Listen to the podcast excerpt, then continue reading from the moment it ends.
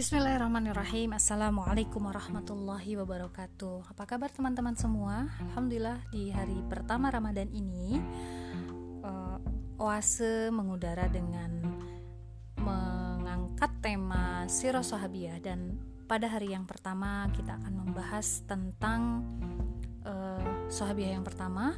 Beliau adalah wanita yang mulia kesayangan baginda Rasulullah Muhammad SAW, wanita pertama yang beliau nikahi yaitu Bunda Khadijah binti Khuwailidi radhiyallahu anha, wanita teragung sejagat raya. Masya Allah. Ya, sahabat oase di mana pun, kali ini kita akan mengawali pembahasan sirah sahabiah yang insya Allah mudah-mudahan istiqomah sampai akhir Ramadan dengan menjelajahi seorang uh, makhluk Allah yang luar biasa. Beliau bagaikan bintang pertama dari gugusan bintang-bintang yang menerangi kehidupan baginda Nabi Shallallahu Alaihi Wasallam. Kita juga akan melihat pada sosok beliau ada simbol kesucian, ada simbol kehormatan dan juga ketakwaan.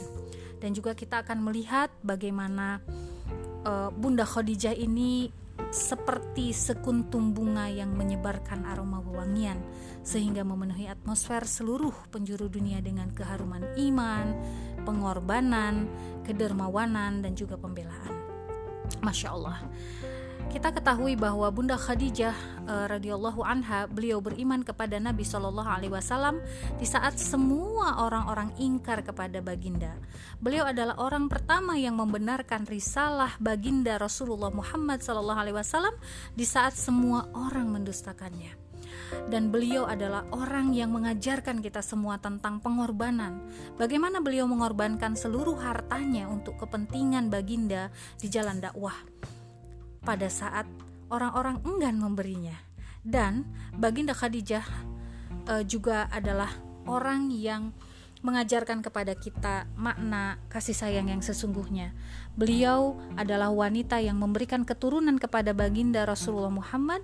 Beliau adalah wanita yang memiliki kecemerlangan dalam berpikir cerdas, pandai menjaga kesucian dan Eh, posisinya yang terpandang ini tidak membuat beliau menjadi orang yang sombong. Pada kondisi di masa uh, jahiliyah, ketika Islam belum risalahnya belum diajarkan uh, ya oleh Rasulullah Muhammad SAW, ketika baginda Rasulullah juga belum diangkat posisinya sebagai seorang nabi dan rasul, ketika kejahiliahan merajalela di tengah-tengah masyarakat Quraisy, baginda Khadijah binti Huwailidi sudah tersemat padanya gelar At-Tahirah atau wanita yang suci. Tentu sulit dibayangkan ya. Saat jahiliyah saja beliau mendapatkan gelar At-Tahirah, bagaimana keadaan beliau setelah masuk Islam? Ya, Allah semakin memuliakannya. Dan baginda Khadijah adalah tempat ketenangan bagi Nabi Shallallahu alaihi wasallam.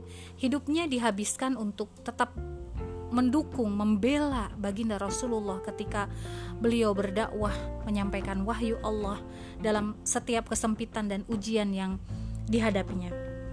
Dan beliau tetap setia mendampingi eh, baginda Rasulullah Muhammad Wasallam menjalani masa-masa sulit, masa-masa pahit sehingga benar-benar benar-benar pantas ya ketika kemudian um, baginda Khadijah radhiyallahu an mendapatkan salam langsung dari Allah Subhanahu wa taala yang disampaikan dari uh, langit ketujuh dan lebih dari itu beliau juga menerima berita gembira akan mendapatkan rumah di dalam surga yang terbuat dari bambu dan mutiara tanpa terdengar bising maupun menimbulkan kelelahan. Baginda Khadijah juga dijanjikan oleh Allah Subhanahu wa taala sebagai penghulu uh, wanita di surganya. Masya Allah ya. Nah, uh, sahabat oase di mana pun berada, kalau ada pertanyaan kemudian siapa Bunda Khadijah binti Khuwailidi radhiyallahu anha sesungguhnya? Uh, beliau kita ketahui sebagai Ummul Mukminin, wanita paling agung sejagat raya pada masanya. Nah, uh, dalam silsilah ya, nasab beliau adalah Ummu Al-Qasim binti Khuwailid bin Asad bin Abdul Uzza bin Qusay bin Kilab. Beliau keturunan suku Quraisy dari keluarga Bani Asad dan uh, beliaulah yang melahirkan anak-anak dari Rasulullah Muhammad SAW, orang yang pertama beriman kepada beliau, kepada baginda dan percaya kepada risalahnya dan orang terdepan yang membela dakwah dan perjuangan. Nah, baginda uh, Rasulullah Muhammad SAW sangat uh, menghormati ya Bunda Khadijah ini. Kenapa? Karena uh, di antara wanita-wanita yang ada ya baginda Rasulullah memilih Khadijah sebagai istrinya. Kenapa? Karena uh, Khadijah ya Bunda Khadijah ini memiliki pemikiran yang matang, taat beragama, tadi ya pandai menjaga kesucian dirinya, uh, dermawan ya dan uh, Nabi Shallallahu Alaihi Wasallam sering sekali memuji beliau dan menganggapnya lebih utama dari seluruh istri-istrinya sehingga apa yang dilakukan oleh baginda Nabi ini sempat membuat cemburu para istrinya terutama Aisyah ya binti Abu Bakar bahkan di dalam hadis dikatakan bahwa Aisyah pernah berkata ya mengakui uh, kecemburuannya Kata Aisyah, aku tidak pernah cemburu kepada seorang wanita seperti kecemburuanku kepada Khadijah karena Rasulullah sangat sering menyebut-nyebutnya. Ini menjadi satu bukti bahwa Bunda Khadijah ini memiliki uh, tempat yang spesial di hati baginda Rasulullah Muhammad SAW. Dan di antara keutamaan-keutamaan yang lain dari Bunda Khadijah adalah Beliau istri pertama Rasulullah Muhammad SAW dan selama hidupnya beliau tidak dipoligami dan beliau adalah uh, istri yang memberikan keturunan ya kepada beliau. Tentu uh, apa namanya kepada baginda Nabi ya. Tentu selain uh, Bunda Maria Kiptiah ada perbedaan pendapat kan ya terkait dengan Bunda Maria Kiptiah ini karena beliau uh, Bunda Maria ini uh, dalam uh, sebagian dalam sebagian kisah itu ya disampaikan ada yang menyebutkan posisinya sebagai budak ya, ada yang menyebutkan posisinya sebagai istri begitu. Nah, tapi di antara istri-istrinya yang lain tidak ada yang memberikan keturunan kan? Ya, sehingga kemudian keturunan baginda Rasulullah ini dari Bunda Khadijah begitu. Dan qadarullah dari Bunda Maria Kiptiah juga kan keturunan baginda Rasulullah uh, yang bernama Ibrahim juga meninggal dunia. Nah, uh, kita bisa merenungi ya bagaimana kisah perjalanan Bunda Khadijah radhiyallahu an ketika beliau belum bersama dengan baginda Rasulullah Muhammad SAW karena dalam kondisi uh, beliau menjalankan kehidupan rumah tangganya sebelum bersama dengan Nabi begitu ya Nah, keluarga yang dibangun uh, dengan Abu Halah bin Zurarah Atamimi, ya, Khadijah itu berupaya agar suaminya menjadi orang terhormat di tengah-tengah kaumnya. Akan tetapi ajal memupus harapannya itu ya. Abu Halah meninggal dunia setelah memberinya seorang uh, putra bernama Hindun. Nah, beberapa saat kemudian Bunda Khadijah menikah dengan seorang pembesar Quraisy yang bernama Atik bin Abid bin Abdullah Al-Makhzumi dari Bani Makhzum. Namun pernikahan ini tidak berlangsung lama. Setelah itu Bunda Khadijah yang saat itu memang di uh, kalangan orang-orang Quraisy ya, beliau menjadi pemuka wanita Quraisy. Nah, beliau kemudian menjalani kehidupannya seorang diri tanpa didampingi oleh suami. Nah, banyak sekali para eh, pembesar-pembesar Quraisy yang menambatkan harapan untuk bisa mempersuntingnya, tapi di lubuk hatinya yang paling dalam Khadijah merasakan uh, tidak serg begitu ya, dan beliau menunggu uh, takdir yang uh, sedang Allah sembunyikan untuk beliau gitu. Jadi sudah ada feeling gitu ya, dan ternyata takdir terbaik yang Allah hadiahkan kepada beliau yaitu dipinang oleh Muhammad, seorang pemuda yang terkenal dengan julukan Al-Amin. Ya, nah, uh, sebelumnya Bunda Khadijah ini pernah bermimpi memeluk bintang, begitu.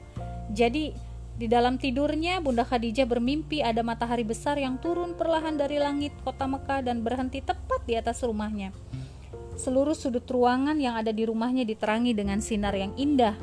Sinar itu memancar dan menerangi segala sesuatu yang ada di sekitarnya sehingga menyenangkan hati begitu ya menyenangkan hatinya nah um, jadi matahari ini yang menaungi rumahnya ini muncul di dalam mimpinya dan Bunda Khadijah ini terkejut dan langsung terbangun ya.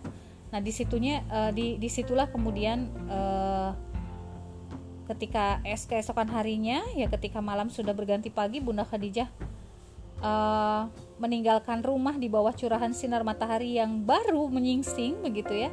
Lalu kemudian beliau bergegas menuju rumah sepupunya yaitu Warokoh bin Naufal dan beliau berharap Warokoh bisa menafsirkan atas mimpi indah yang dialami pada malam itu. Lalu kemudian um, Warokoh didapati oleh Bunda Khadijah sedang menekuni ya lembaran-lembaran kitab suci yang sangat dia sukai. Lalu kemudian Bunda Khadijah bertanya kepada Warokoh menceritakan pengalamannya setelah mendengar penuturan dari Bunda Khadijah Wajah Warokoh menyiratkan rasa bahagia. Lalu kemudian beliau berkata, "Berbahagialah wahai sepupuku Khadijah. Seandainya Allah benar-benar membuat mimpimu menjadi kenyataan, maka cahaya kenabian akan masuk ke dalam rumahmu dan darinya akan terpancar cahaya risalah nabi yang terakhir." Jadi memang sudah ada tanda-tanda dan itu sudah ditangkap oleh uh, seorang Warokoh yang kita tahu Warokoh itu adalah pemuka ag agama ya pada saat itu agama Nasrani karena Islam belum ada.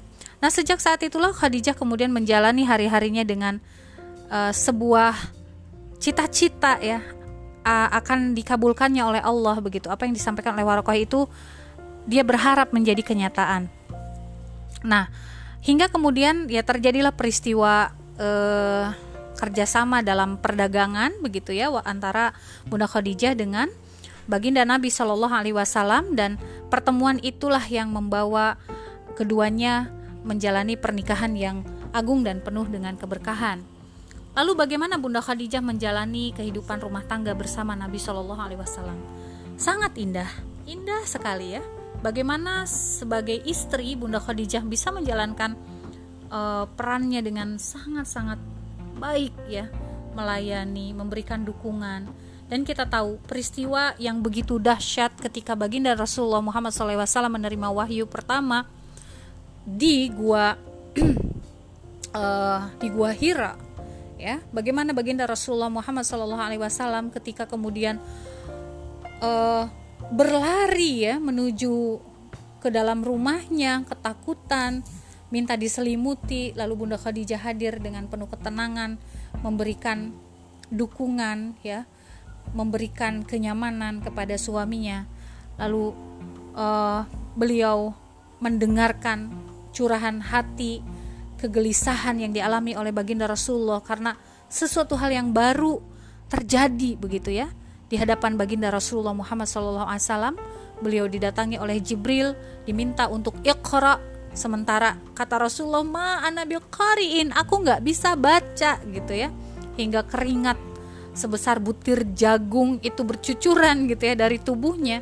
Dan kemudian akhirnya setelah beberapa kali berdialog dengan Jibril lalu kemudian Jibril memeluk baginda Rasulullah dan berkata Iqra Iqra bismi rabbikal ladzi khalaq dan seterusnya. Quran surah Al-Alaq ayat 1 sampai 5 Berita itu kemudian dicermati, ditangkap oleh Bunda Khadijah dengan penuh kegembiraan bahwa benar apa yang dikatakan oleh Warakah bin Naufal. Akan datang ke dalam rumah tangganya itu cahaya kenabian dan itu datang dari suaminya sendiri.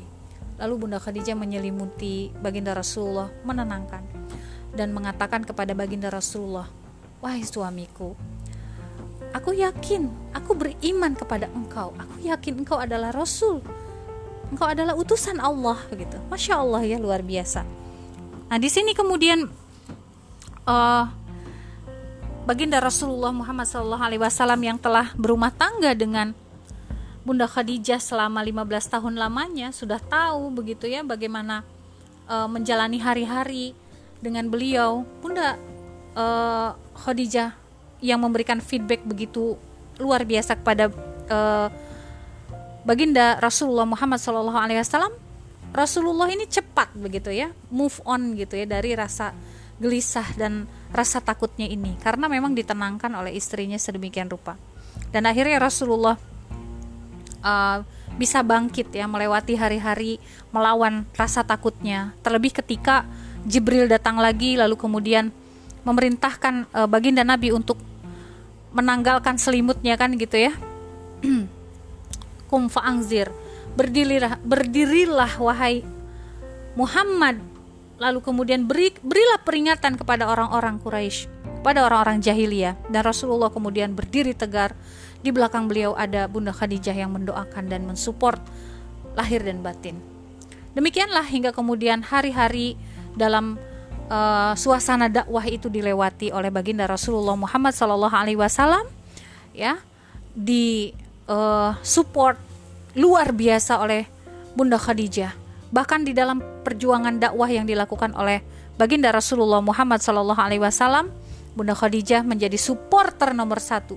Bukan hanya support dalam dalam hal doa dalam hal uh, mental begitu ya dalam hal um, ya dukungan-dukungan yang sifatnya imaterial bukan. Tapi Bunda Khadijah juga memberikan support berupa material di mana semua hartanya beliau um, infakkan di jalan dakwah bahkan tidak ada yang tersisa ya terutama ketika uh, peristiwa pemboikotan terjadi bagaimana Rasulullah melewati sebuah um, tantangan dakwah yang tidak uh, yang luar biasa ya, yang luar biasa mengerikan ya. Kenapa? Karena Bani Hashim saat itu diboykot.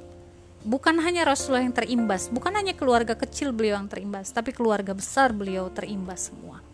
Dan dalam kesempitan yang dialami oleh baginda Rasulullah Muhammad SAW dan juga seluruh Bani Hashim, Bunda Khadijah ini memberikan support yang Masya Allah ya seluruh uangnya beliau habiskan untuk bisa memenuhi kebutuhan semua Bani Hashim hingga habis hingga tak tersisa begitu. Masya Allah. Maka uh, wajar ketika kemudian Allah hadiahkan kepada beliau surga tertinggi. Wajar ketika kemudian Allah berikan kepada beliau hadiah uh, kemuliaan. Ya kemuliaan di dunia dan juga di akhirat. Beliau menempati uh, posisi sebagai uh, penghulu wanita nanti di surga. Masya Allah nah uh, teman-teman yang dirahmati Allah ya Bunda Khadijah ini setia beliau mendampingi uh, baginda Rasulullah Muhammad Wasallam. Tapi bagaimanapun sebagai seorang manusia semua kita terbatas, ya usia kita juga terbatas. Bunda Khadijah meninggalkan baginda Rasulullah Muhammad Wasallam dalam kondisi Allah masih menguji dakwah beliau. Allah belum memenangkan dakwah dengan ditegakkannya uh, daulah Islam di Madinah pada saat itu. Dan pada saat meninggalnya Bunda Khadijah ini dikenal sebagai tahun kesedihan ya bagi Rasulullah Muhammad SAW karena beliau ditinggalkan dua orang sekaligus di tahun yang sama dalam waktu yang berdekatan yaitu oleh pamannya dan juga oleh istri beliau yang sangat disayangi. Ya tahun kesedihan ini uh, akhirnya oleh Allah di gantikan ya dengan satu penghiburan kepada Rasulullah dengan momentum Isra Mi'raj. Allah mengisrakan baginda Rasulullah dan memi'rajkan beliau bahkan hingga beliau menembus langit ketujuh menuju Sidratul Muntaha bertemu dengan Allah berbincang-bincang dengan Allah. Allah hadiahkan Rasulullah bertemu dengan Nabi dan Rasul uh, melihat ya surga Allah perlihatkan juga neraka. Allah kasih oleh-oleh ya yaitu diwajibkannya sholat lima waktu. Masya Allah ya. Nah e, kebaikan perjuangan pengorbanan bunda Khadijah radhiyallahu an ini menjadi oleh-oleh bagi kita ya bagi muslimah di abad ini hingga yaumil kiamah bahwa ini adalah rule model yang patut kita ikuti, yang bisa kita uh, teladani. Untuk meraih kemuliaan itu memang tidak mudah. Kita harus menapaki jalan yang bisa jadi extraordinary, ya, yang luar biasa, yang tidak biasa-biasa saja.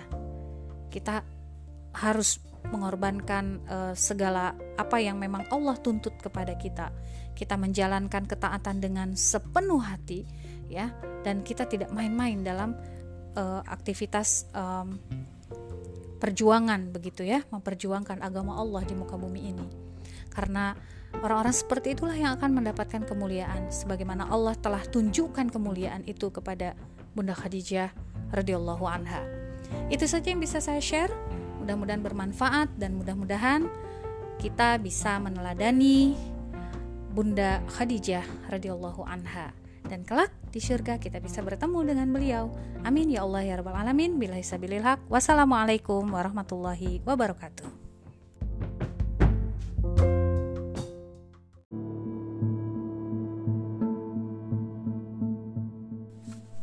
Assalamualaikum warahmatullahi wabarakatuh. Bertemu lagi dengan saya Yuli di rubrik Oase dan kali ini kita akan uh, melanjutkan kisah Sohabiah di hari kedua Ramadan yaitu kisah yang kedua yang akan diangkat yaitu Bunda Saudah binti Zam'ah radhiyallahu anha. Beliau adalah wanita dermawan dan juga wanita yang mengutamakan kepentingan orang yang orang lain.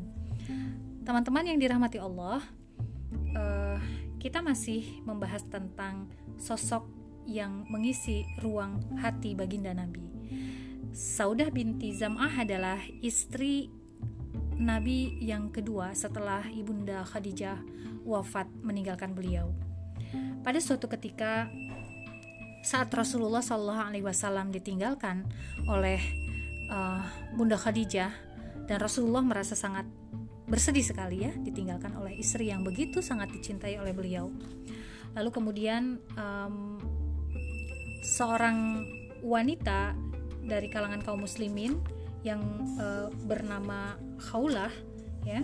Jadi Khaulah ini melihat raut baginda Rasulullah Muhammad wasallam itu sangat-sangat uh, sedih terus gitu ya. Nah, lalu kemudian uh, Khaulah itu menawarkan kepada baginda Rasulullah Muhammad wasallam, "Wahai baginda Nabi, tidakkah engkau berpikir untuk menikah lagi begitu?" Lalu kemudian baginda Nabi berkata, "Dengan siapa aku akan menikah?" Lalu kemudian uh, Khaulah pun mengatakan, "Engkau uh, memiliki preferensi kepada jandakah ataukah kepada gadiskah begitu ya?" Lalu Rasulullah bertanya lagi, "Kalau janda dengan siapa memangnya?" Kalau gadis, terus siapa kandidatnya begitu kan?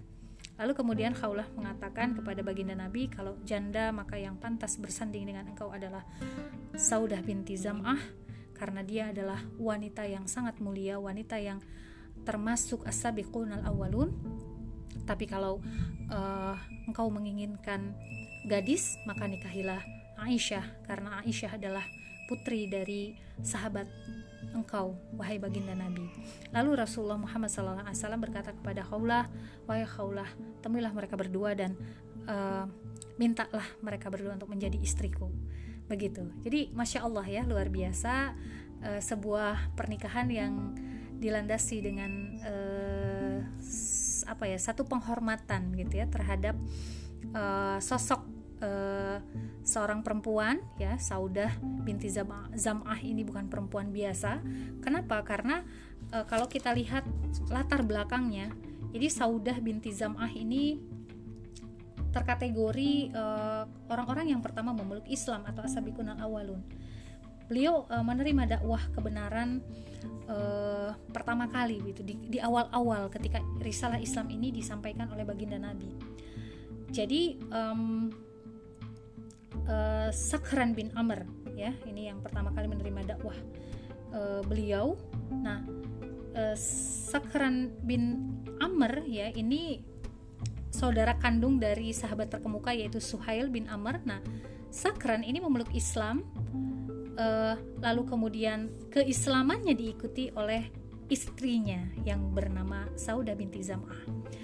Nah, mereka berdua menjalani masa-masa dalam kehidupannya di bawah naungan tauhid, di bawah naungan iman.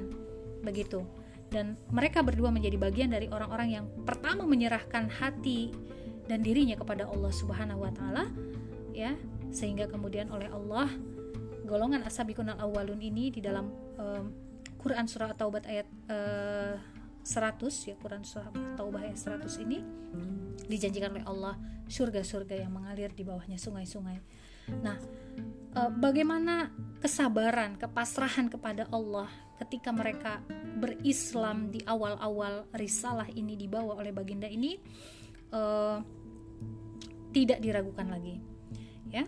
Berita keislaman sakran tersebar di Mekah dan akhirnya membuat orang-orang uh, Mekah yang pada saat itu masih jahiliyah ya ini marah besar kepada sakran dan juga kepada istrinya Saudah ya binti Zam'ah pada saat itu bahkan tidak sedikit ya kaum muslimin yang mengalami penderitaan, disiksa bahkan hingga uh, harus tergadai nyawanya begitu ya. Hanya karena mereka memeluk Islam dan meninggalkan agama nenek moyang mereka. Ya, penyekapan, pemukulan, pembiaran ya, sehingga mereka kelaparan, kehausan, menyeret di atas pasir di tengah terik yang sangat panas gitu dilakukan dan dan e, hal itu juga dialami oleh uh, Sakran dan juga oleh istrinya Saudah binti Zam'ah. Ya, hingga kemudian karena penderitaan yang begitu uh, luar biasa menyiksa kaum muslimin, akhirnya Rasulullah uh, memutuskan agar para sahabat beliau uh, melakukan hijrah ke Habasyah. Dan Sakran bersama istrinya Saudah binti Zam'ah termasuk ke dalam kafilah yang dihijrahkan oleh Rasulullah ke Habasyah. Nah, um, lalu kemudian uh, pasangan suami istri ini ya Sakran dengan Saudah ini ternyata uh, dipisahkan ya oleh ajal ya. Jadi ajal menjemput Sakran dan Sakran meninggal dunia di uh, Makkah seperti itu ya setelah kembali dari Habasyah dan kematiannya menggoreskan kesedihan yang sangat mendalam di hati Saudah sejak saat itulah Saudah hidup uh, seorang diri begitu ya menjanda namun beliau menjalani uh, hari-harinya dengan sabar dan ridho menerima takdir Allah Subhanahu wa taala. Ya, dan Saudah pun uh, melanjutkan hari-harinya dengan uh, tetap ya dalam uh, keislamannya, istiqomah dalam uh, dakwah Islam ya. Hingga pada suatu ketika saat berita Bunda Khadijah ini uh, tersebar ya dan semua merasa kehilangan semua kaum muslimin merasa kehilangan termasuk dirinya. Dan siapa yang paling terpukul? Baginda Rasulullah sebagai suami ya dari Bunda Khadijah. Nah, um, semua sahabat tahu betul bagaimana uh, posisi Bunda Khadijah di dalam hati Rasulullah SAW. Ketika Bunda Khadijah meninggal dunia, mereka sangat berharap agar Allah Subhanahu wa taala memberikan anugerah kepada baginda Rasulullah yang bisa meringankan kesedihan dan kepiluannya. Namun baginda Rasulullah membutuhkan waktu yang cukup panjang begitu ya untuk bisa uh, memberikan sepotong hatinya kepada uh, wanita yang lain gitu. Hingga tadi yang saya sebutkan di awal ya Khaulah binti Hakim radhiyallahu anha, beliaulah yang berhasil uh, membukakan ya uh, apa namanya hati Rasulullah SAW memberikan masukan kepada Rasulullah dan masukan itu kemudian diterima oleh baginda Rasulullah tentu dengan izin Allah. Akhirnya Rasulullah melanjutkan uh, hidup dengan mempersunting uh, Bunda Saudah binti Zam'ah Masya Allah ya. Nah bagaimana kisah pertemuan dan kisah pernikahan yang dialami oleh baginda Rasulullah Muhammad SAW dengan uh, Bunda Saudah? Ini sangat-sangat menarik sekali ya di dalam uh, sirah dijelaskan bagaimana uh, haulah ini uh, di dalam uh, apa namanya di dalam sirah dalam hadis itu ada kisahnya ya. Haulah ketika diperintahkan oleh Rasulullah untuk menemui uh, Saudah binti Zam'ah menemui ayahandanya yaitu uh, Zam'ah begitu ya. Dan saat itu ayahanda dari Saudah ini sudah tua renta ya hingga kemudian ayahnya itu uh, tapi mengerti gitu ya apa yang disampaikan oleh Khaulah uh, saat itu kemudian um, ayah Saudah uh, setelah mempersilahkan masuk lalu kemudian disampaikan oleh Khaulah bahwa um, baginda Rasulullah Muhammad Sallallahu Alaihi Wasallam akan meminang ya uh, putri dari uh, ayahanda ya dari Zam'ah. Dan saat itu ayah Saud, uh, ayah dari Saudah itu berkata Muhammad adalah pasangan yang sangat pantas dan sangat mulia. Begitu. Lalu kemudian uh, Saudah pun menerima pinangan baginda Nabi Shallallahu Alaihi Wasallam ya dan uh, akhirnya Rasulullah Muhammad Wasallam uh, meminang dan kemudian berlangsunglah akad nikah dengan Saudah.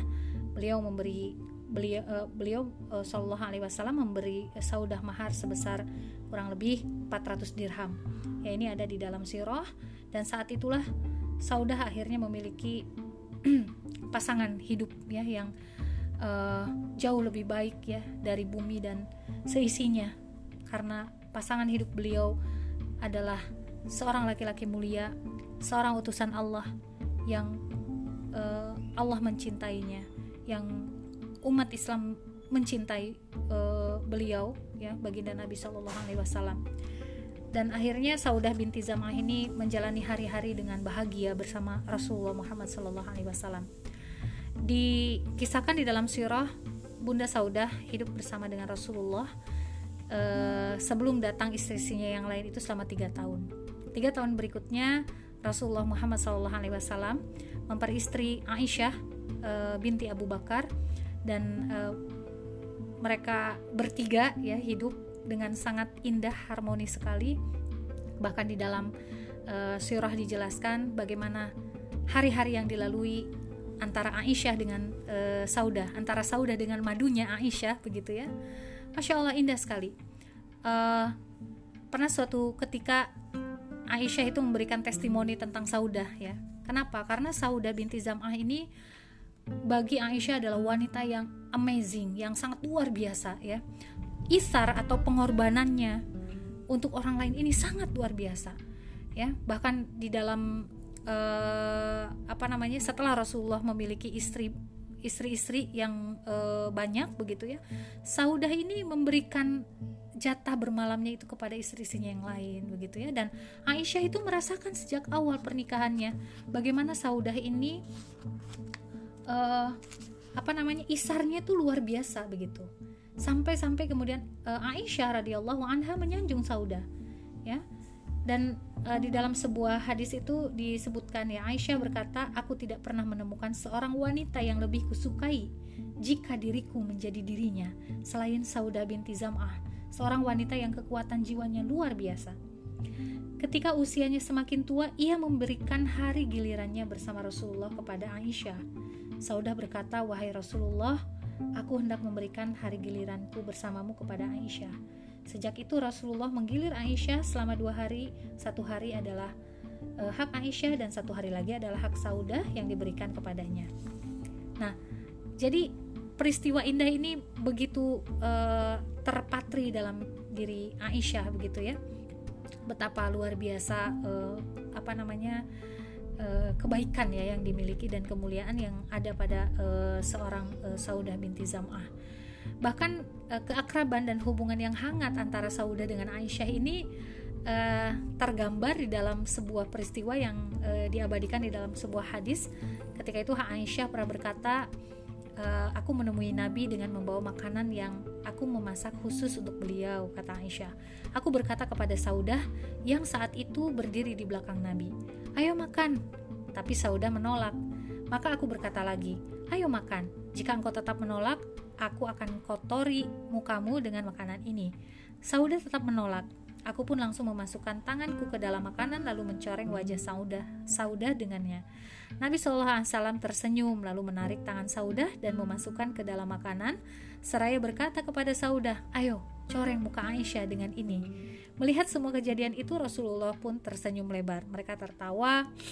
Lalu kemudian tiba-tiba Umar datang. Maka Rasulullah berkata e, setengah menegur ya, wahai hamba Allah, wahai hamba Allah, ya Beliau menduga Umar hendak masuk, lalu beliau berkata kepada kami, "Ayo cepat masuklah kalian dan basuhlah muka kalian."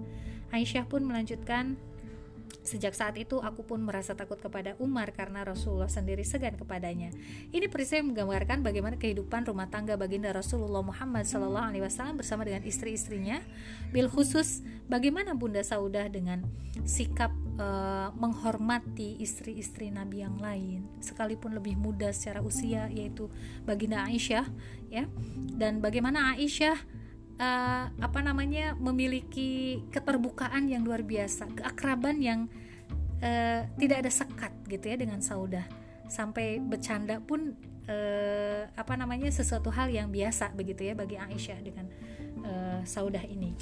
Dan uh, Saudah ya selalu mengejar amal kebaikan dan juga ketaatan dan ini merupakan uh, sifat yang tertanam ya dengan kokoh di dalam dirinya.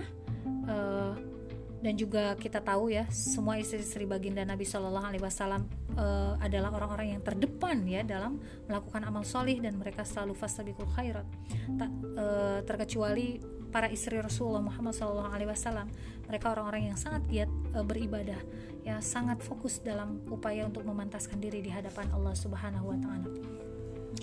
Ya uh, sahabat oase di mana pun uh, jadi ibunda uh, Saudah binti Zam'ah radhiyallahu anha ini uh, sepanjang hidupnya beliau senantiasa berinteraksi dengan kitabullah dan sunnah Rasulullah Muhammad sallallahu alaihi wasallam. Dan beliau meninggal uh, dunia ya uh, ketika Rasulullah sudah wafat ya jadi ketika Rasulullah wafat ini betul-betul menorehkan kesedihan yang mendalam ya di uh, dalam hati para istri beliau termasuk uh, Saudah ya. Nah, ada satu uh, hal ya yang kemudian memang sangat-sangat uh, luar biasa ya dari uh, ibunda Saudah uh, binti Zam'ah ini karena uh, ibunda Saudah binti Zam'ah sekalipun ditinggal Rasulullah SAW Beliau tetap memegang teguh ajaran dan wasiat yang ditinggalkan oleh Rasulullah. Beliau tetap taat beribadah, tetap suka berpuasa, sholat malam karena Allah Subhanahu wa taala. Dan Sauda binti Zam'ah radhiyallahu anha diberi umur panjang hingga masa pemerintahan Umar bin Khattab. Ya, jadi beliau melewati masa kekhalifahan Abu Bakar As-Siddiq uh, dan juga Umar bin Khattab. Hingga kemudian pada masa pemerintahan Umar bin Khattab, Ibunda Saudah uh, binti Zam'ah radhiyallahu anha menutup mata untuk selama-lamanya. Uh, dan uh, kita uh, bisa membaca ya kebaikan-kebaikan yang beliau tinggalkan ini dari sirah-sirah uh, ya sahabiah yang ada semoga kita bisa mencontoh beliau uh, semoga kita bisa menjadi orang yang terdepan dalam uh, melakukan amal solih sebagaimana Saudah binti Zam'ah dan juga selalu menjadi orang yang bisa uh, isar mengutamakan kepentingan orang lain di atas kepentingan diri kita sendiri. Itu saja yang bisa saya sampaikan. Terima kasih. Assalamualaikum warahmatullahi wabarakatuh.